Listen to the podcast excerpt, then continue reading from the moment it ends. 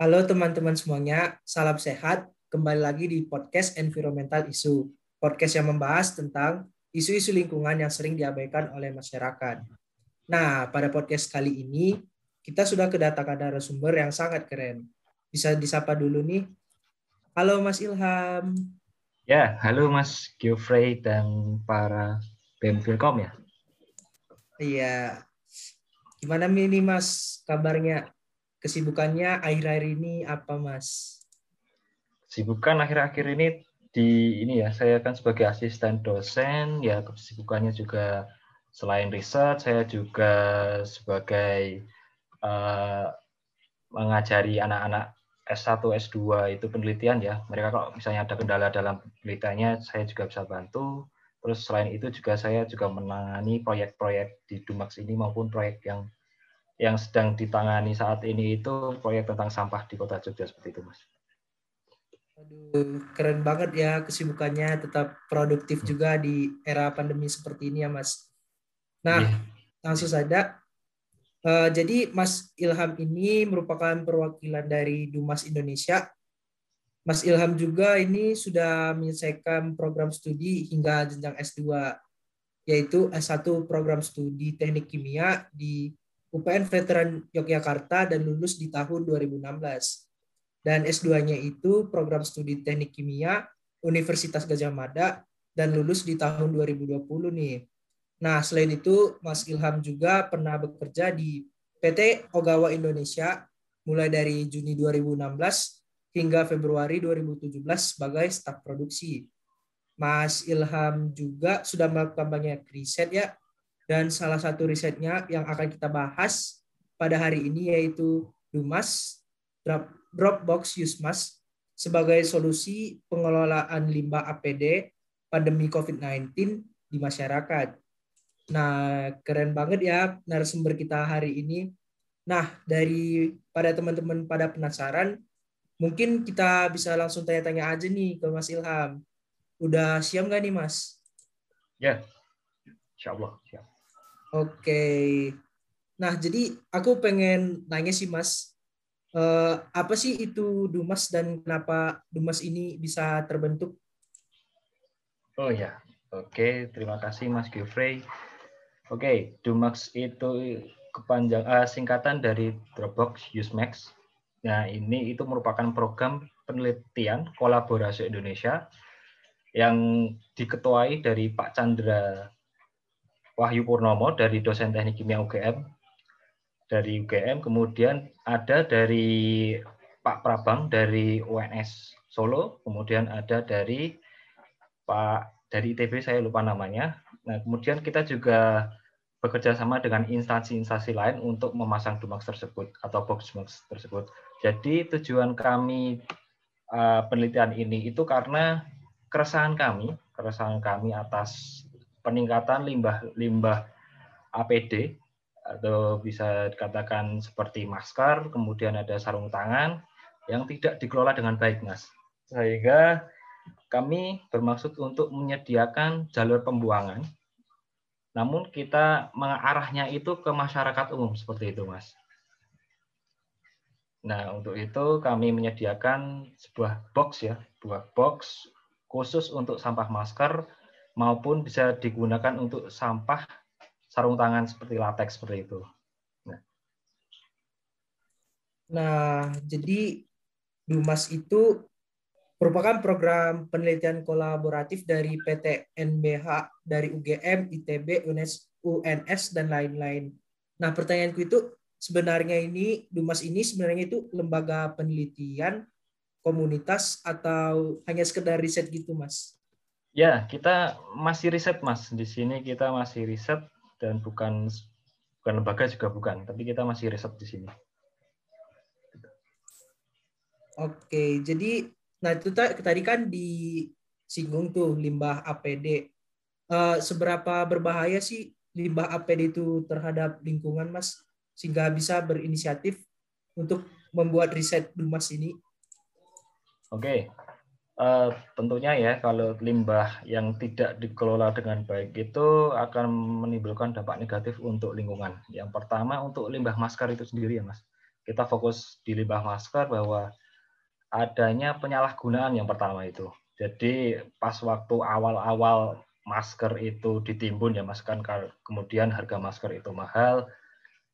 Ah di sini ada pihak atau oknum yang memanfaatkan uh, kejadian ini seperti mendaur ulang atau merecycle masker ini. Nah, ini tentu sangat berbahaya sekali jika masker yang didaur ulang tersebut dijual di di masyarakat umum ini sangat berbahaya sekali. Kemudian selain itu juga eh, limbah masker ini jika tidak dikelola dengan baik dapat menyebabkan limbah infeksius di mana penularan dari limbah infeksius ini kan bisa melalui droplet atau airborne ya dari partikel udara. Limbah masker itu dikategorikan menjadi dua ya di sini. Jadi ada limbah masker kategori B3 dan limbah masker kategori domestik.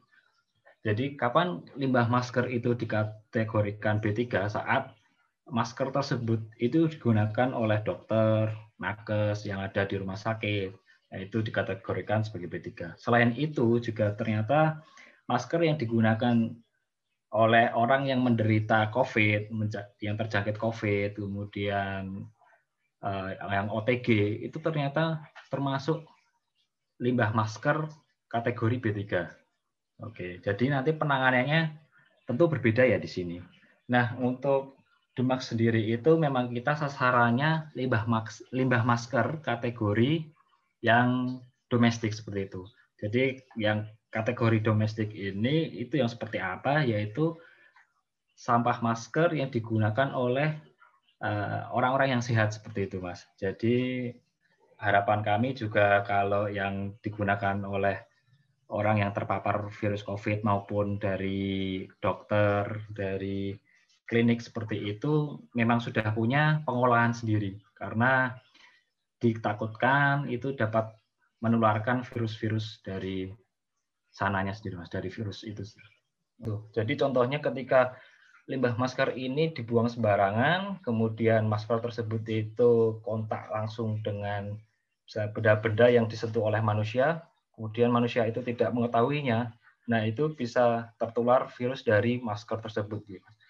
Kemudian bahwa masker itu, masker itu merupakan berbahan dasar dari plastik seperti plastik ya mas. Jadi seperti plastik atau berbahan dasar dari minyak bumi sehingga uh, karena komponennya atau partikel seperti ini itu susah untuk diurai sehingga akan menyebabkan ya limbah ya limbah yang susah diurai di lingkungan kemudian ketika masker tersebut itu terurai di lingkungan tentunya akan menyebabkan uh, menjadi partikel yang lebih kecil yang bisa kita sebut sebagai mikroplastik.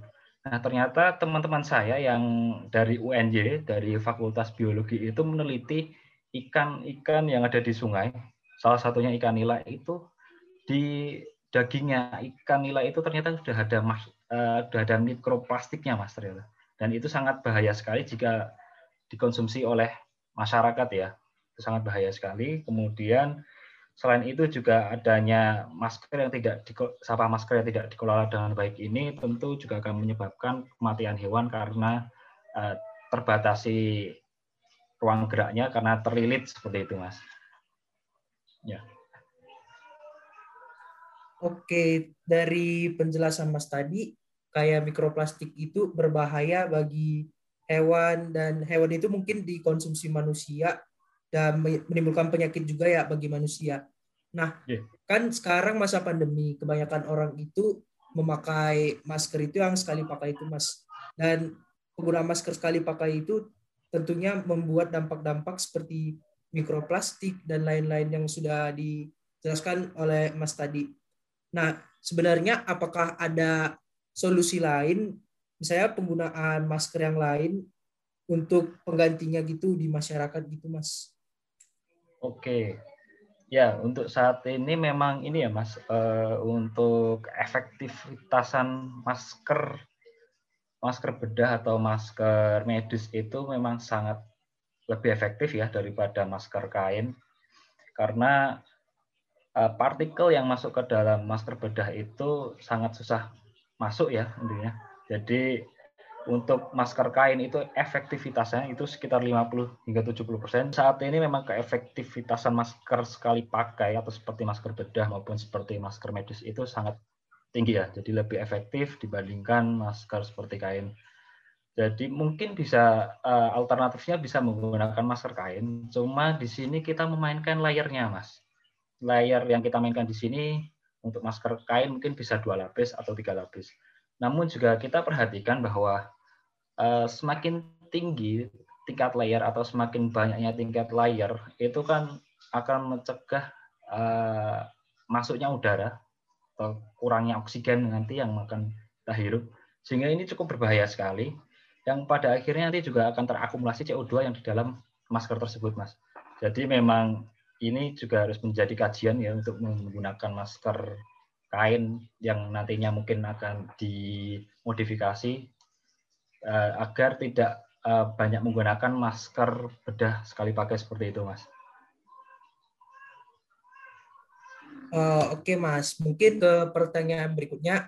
Aku lihat-lihat di Instagram ya, Dumas ini kan punya titik-titik drop Dropbox di beberapa tempat nih.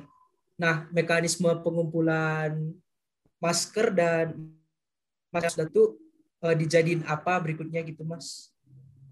Oke, untuk uh, pengumpulan sampah masker di Dumax itu sendiri sangat simpel sekali, Mas.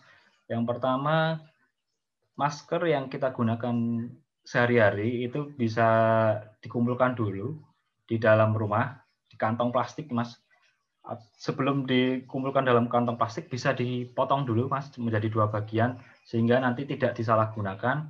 Kemudian jika dirasa sudah penuh, itu bisa membuangnya ke box Dumax terdekatnya Mas dengan cara cek laman Dumax ID seperti itu Mas. Jadi nanti dari kita kan terintegrasi dengan website, website tersebut juga ada maps-nya. Jadi nanti ketika kita ketik laman Dumax ID tersebut seperti itu, nanti akan muncul titik-titik box yang terdekat di area orang tersebut, Mas. Seperti itu. Nah, sampah ya maksud saya masker yang sudah terkumpul itu uh, itu kan katanya dibakar atau digimanain ya. gitu mas itu atau diolah kembali gitu itu gimana mas? Oh ya melanjutkan pertanyaan yang tadi kemudian sampah yang kita ambil yang kita kumpulkan seperti itu nanti box tersebut kita seal ya mas kita seal dengan lakban Kemudian kita bawa ke rumah inovasi daur ulang di Piat UGM ya Mas. Di sana memang khusus untuk mengolah limbah-limbah seperti itu ya Mas. Kemudian kita hancurkan dengan proses pirolisis. Nah, proses pirolisis ini adalah proses yang menggunakan pemanasan seperti itu tanpa menggunakan oksigen ya Mas. Kita benar-benar di dalam seperti reaktor tertutup seperti itu. Kemudian pada suhu tinggi masker tersebut yang berbahan dasar minyak bumi tadi, Mas. Jadi akan terurai kembali, akan terdekomposisi kembali menjadi wujud aslinya, yaitu yaitu ada gas, minyak, dan arang. Nah, kita manfaatkan gas dan minyak tersebut, gas yang dan minyak yang muncul, yang terproduksi tersebut, kita manfaatkan, kita gunakan kembali ke dalam ruang bakar sebagai media untuk membakar atau menambah bahan bakar seperti itu, Mas. Jadi uh, kemudian akan membuat uh, meminimalisir penggunaan gas dan selain itu juga akan meminimalisir polutan yang terbentuk seperti itu, Mas. Aduh, ternyata sangat bermanfaat ya bagi lingkungan juga, lebih ramah lingkungan juga ya, Mas mungkin teman-teman yang dengar podcast ini bisa tuh khususnya yang ada di Yogyakarta atau Surakarta bisa me, sampah maskernya itu bisa disumbangkan tuh di Dumas karena bisa menjadi bahan yang lebih berguna lagi. Itu kendala selama menjalani aktivitas pengumpulan masker ini apa sih Mas kendalanya? Oke, kendala saya sendiri ya sebagai tim lapangan itu masyarakat masih cenderung apa ya tidak membaca bahwa box Dumax ini memang khusus buat sampah masker maupun sarung tangan, Mas. Jadi ketika saya kan kami memang rutin ya, Mas. Kami saya dan ada staff volunteer seperti itu kan eh, mengecek atau maintenance melakukan maintenance di box-box Dumax yang tersebar seperti itu kita mendapati bahwa box tersebut itu ternyata diisi oleh sampah-sampah selain sampah masker seperti itu mas. Seperti sampah daun sampah plastik sampah ya gelas plastik aqua botol seperti itu mas. Ya kita sangat menyayangkan sekali ya mas. Padahal di dalam di box Dumax tersebut juga sudah kami beri keterangan bahwa box tersebut itu khusus untuk sampah masker dan sarung tangan seperti itu mas Nah, untuk pertanyaan berikutnya itu, saya mau nanya, gimana sih pengolahan limbah masker di Indonesia? Pengolahan di Indonesia, kemudian untuk pengolahan limbah masker di Indonesia itu yang sudah dilakukan ada dari pihak LIPI, kemudian ada dari pihak Parongpong, dan kemudian ada dari kita ya Mas. Jadi setahu saya itu baru tiga itu ya, setahu saya. Nggak tahu kalau yang lain. Kemudian kalau pihak LIPI itu dia mengumpulkan limbah masker yang kemudian dilakukan disinfektan atau sterilisasi yang kemudian masker tersebut akan diubah menjadi biji plastik seperti itu yang kemudian dimanfaatkan menjadi pot pot hidroponik seperti itu mas. Jadi produk mereka limbah masker kemudian menjadi pot hidroponik atau barang yang berguna. Kemudian untuk yang dari parongpong itu mereka pengumpulan limbah maskernya itu mereka gunakan, mereka manfaatkan sebagai filler untuk batako seperti itu, Mas. Jadi kemudian dari pihak Dumax kami sendiri karena kami memang masih apa ya, masih sangat khawatir ada virus-virus yang menempel di masker tersebut. Jadi kita kita tetap lakukan proses pirolisis tadi pada suhu tinggi sehingga harapan kami memang virus tersebut juga sudah mati pada suhu tinggi tersebut, Mas. Kita pirolisis pada suhu 400 sampai 500 derajat Celcius.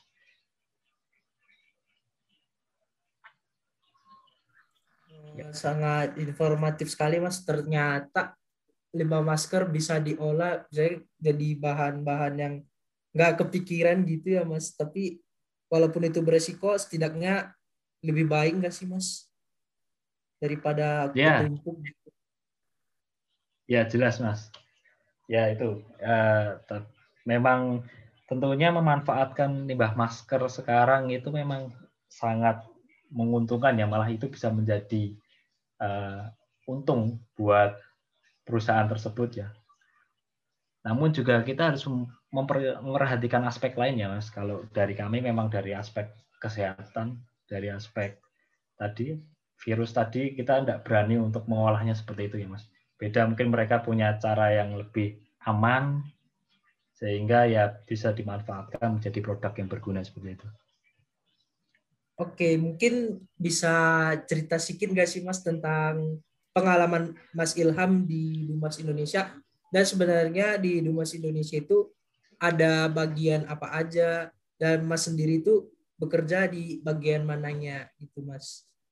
Untuk saat ini memang kami kan masih penelitian, Mas. Jadi belum ada sistem sistem ini masih masih baru sekali. Kita juga belum ada sistem manajemennya seperti apa. Jadi saat ini saya juga merangkap sebagai uh, tim lapangan, kemudian saya juga merangkap sebagai admin, admin di IG. Kemudian juga saya uh, melayani ini kontak WA yang WA ke saya seperti itu sih, Mas.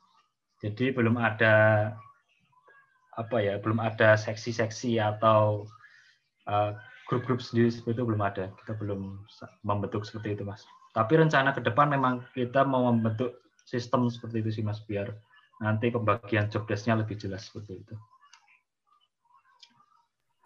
Nah, mungkin pertanyaan berikutnya itu uh, apakah Dumas ini misalnya penelitian ini nanti sudah selesai, apakah Dumas juga akan ikut berhenti atau tetap lanjut, Mas? Oh iya, kalau harapan kami itu memang terus berlanjut ya Mas. Ya kita nanti juga harapannya ada volunteer-volunteer yang bergabung dengan kami. Kemudian kami juga akan uh, bermaksud mengembangkan Demax ini ya Mas. Jadi bisa terjangkau di area-area mana saja sehingga masyarakat itu bisa peduli dengan lingkungannya dari pembuangan sampah masker ini Mas. Harapannya sih bisa berlanjut sampai terus menerus Mas. Oke Mas, mudah-mudahan uh, harapan-harapan dari Dimas bisa tercapai ya Mas dan teman-teman yang mungkin tertarik nanti jadi volunteer di Dumas bisa banget tuh dicek-cek di Instagramnya Dumas atau ada website di uh, Instagramnya Dumas bisa diklik di link tree-nya. Nah mungkin terakhir ya Mas, apa ada pesan untuk masyarakat yang masih belum sadar soal masalah penumpukan masker atau yang suka numpuk masker tapi tapi ya gak dipakai juga gitu mas. Oke, ya saya harapkan bahwa masyarakat itu peduli ya dengan lingkungan pertama itu bahwa masker ini tadi jadi masker itu merupakan bahan dasar seperti plastik atau bahan dasar polipropilen yang sangat ter, susah terurai di lingkungan ya sehingga itu akan menimbulkan masalah di lingkungan.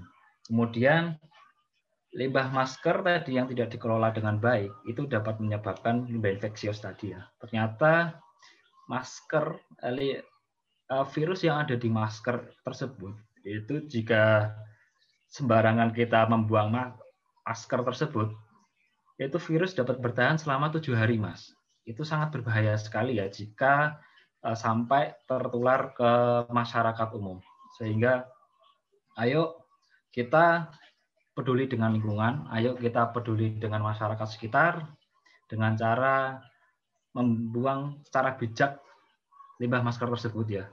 Mungkin untuk limbah masker yang saat ini disarankan oleh Kemenkes atau KLHK, Kementerian Lingkungan Hidup dan Kehutanan seperti itu, itu bisa dengan cara memberikan disinfektan di masker di limbah masker di sampah masker tersebut. Kemudian bisa dipotong setelah itu kemudian dikumpulkan dalam plastik dan kemudian membuangnya di tempat TPS seperti itu mas. Nah ya harapan kami masyarakat sadar ya dengan adanya berbahaya dari limbah masker ini seperti itu. Dumax ini juga menerima sampah masker ya mas karena kami uh, atas komitmen kami, komitmen kami dalam menjaga lingkungan dari sampah masker maupun sarung tangan, kita menerima sampah masker dari masyarakat umum ya Mas. Kita perlu titik beratkan pada di sini adalah sampah masker pada masyarakat umum. Jadi nanti silakan siapa saja yang mau membuang mas, sampah maskernya itu bisa dikirim ke kami melalui ekspedisi seperti itu nanti bisa lihat di Instagram itu ada kontak yang bisa dihubungi nanti akan bisa dikirimkan alamat untuk tujuan sampah masker tersebut. Oke Mas, terima kasih atas informasinya tadi ya. Mungkin itu tadi penutup dari podcast kali ini ya teman-teman. Uh, untuk yang penasaran tentang Maswes, tentang bahayanya limbah APD terhadap lingkungan, mungkin bisa dicek-cek di Instagramnya Dumas Indonesia. Nah, pertanyaan tadi juga uh, mungkin mengakhiri podcast kita pada episode kali ini. Dan terima kasih untuk Mas Ilham atas informasinya. Mudah-mudahan bisa berguna bagi teman-teman pendengar dan bisa disebarkan juga informasinya ke masyarakat umum ya Mas. Ya, Terima kasih Mas. Oke, akhir kata saya ucapkan terima kasih untuk yang telah mendengarkan podcast ini dari awal hingga akhir. Jangan lupa jaga kesehatannya juga teman-teman, apalagi di era pandemi seperti ini. Uh, tetap semangat dan salam sehat. Saya Geoffrey Pere Purba undur undur diri. Terima kasih.